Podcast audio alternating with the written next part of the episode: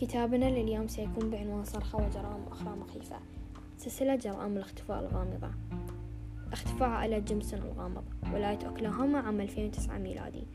قررت عائلة جيمسون القيام برحلة جبلية بعيدا عن ضجيج المدينة بحثا عن العزلة والهدوء. فقام الأب بوبي وشارلين الزوجة بالاستعلام عن طريق النت عن أكثر الأماكن عزلة وهدوءا.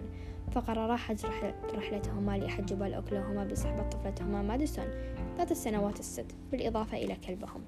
ولم يخبرا أي أحد سواء عائلتهم أو أصدقائهم خاصة عرف عن عائلة جيمسون أنهم يحتفظون بأسرارهم دوما وخصوصياتهم. وقبل السفر قرروا استكشاف المنطقة.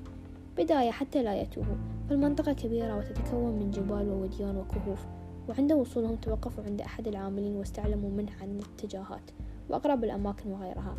بعدها عادوا إلى منزلهم استعدادا لرحلتهم في الصباح. وفي الصباح توجهوا للمنطقة آملين بقضاء وقت ممتع بعيدا عن ضجيج المدن. عائلة جيمسون بعد ثمانية أيام من رحيلهم عثر بعض المسافرين على سيارة متوقفة على الطريق. أثارت استغرابهم خاصة أنها متوقفة منذ فترة طويلة فقرروا الاتصال بالشرطة. فور وصول رجال الشرطة كانت السيارة مغلقة فاستعلموا عن صاحبها. يتضح أنها لعائلة جيمسون لكن لا أثر للعائلة. وما أثار قلقهم وجود كلبهم داخل السيارة الذي بدا منهكا جائعا فقاموا بكسر الزجاج لإخراجه واتضح أنه لم يأكل أو يشرب لفترة طويلة. فما الذي حدث للعائلة؟ ولما تركوا كلبهم؟ والأغرب بعد تفتيش السيارة عثروا على هواتفهم النقالة وحافظاتهم وهوياتهم إضافة إلى جهاز GPS. أما الأغرب فقد عثروا على مبلغ مالي كبير يقدر باثنان وثلاثون ألف دولار.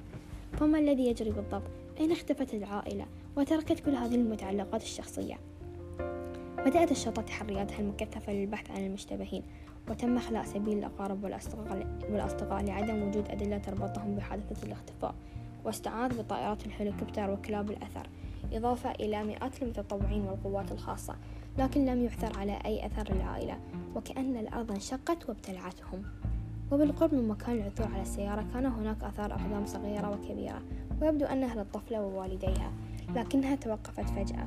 فأين اختفوا؟ قامت الشرطة بتفتيش الهواتف التي عثر عليها لعلها, لعلها تقودهم لدليل. فعثرت على صورة للطفلة.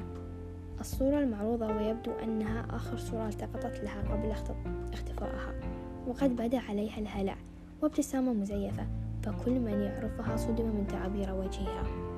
فهذه ليست ماديسون وليست ضحكتها البريئة إنما يبدو أنها ترى شيئا أرعبها وأن ملتقط الصورة هو المتورط باختفائهم بدأت الحملات المكثفة بحثا عائلة جيمسون وانتشرت الإشاعات والأقاويل فقد يكونون ضلوا الطريق وقد تكون الأم هي من التقطت الصورة أو الأب لكن السؤال الذي أثار استغراب الشرطة والعامة ما الذي تنظر إليه الطفلة؟ ما سبب الهلع على وجهها؟ وابتسامتها المزيفة التي كانت على وجهها إن كانت بصحبة والديها لما احتجز المختطف بالكلب السيارة ولما لم يسرق المال؟ تساؤلات عديدة طرحت لكن لم يعثر على أي إجابة وبقيت قصة اختفائهم لغزا إلى هذا اليوم وبعد أربع سنوات كانت المفاجأة.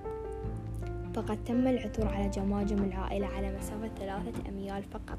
من مكان السيارة وبعد الفحص والتحري اتضح أنه تم إطلاق النار على كل واحدة منهن طلقة واحدة بالرأس ولم يعثر على السلاح ولا أي عظام أخرى فقط الجماجم. فماذا حدث بالضبط؟ ومن الذي أطلق النار عليهم؟ أين كانوا طوال الفترة؟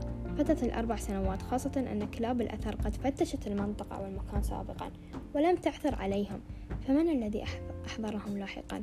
ويبقى لغز اختفاء ومقتل عائلة جيمسون من أكثر الألغاز غموضا في الولايات المتحدة النهاية المتحدثة إيمال الجناحي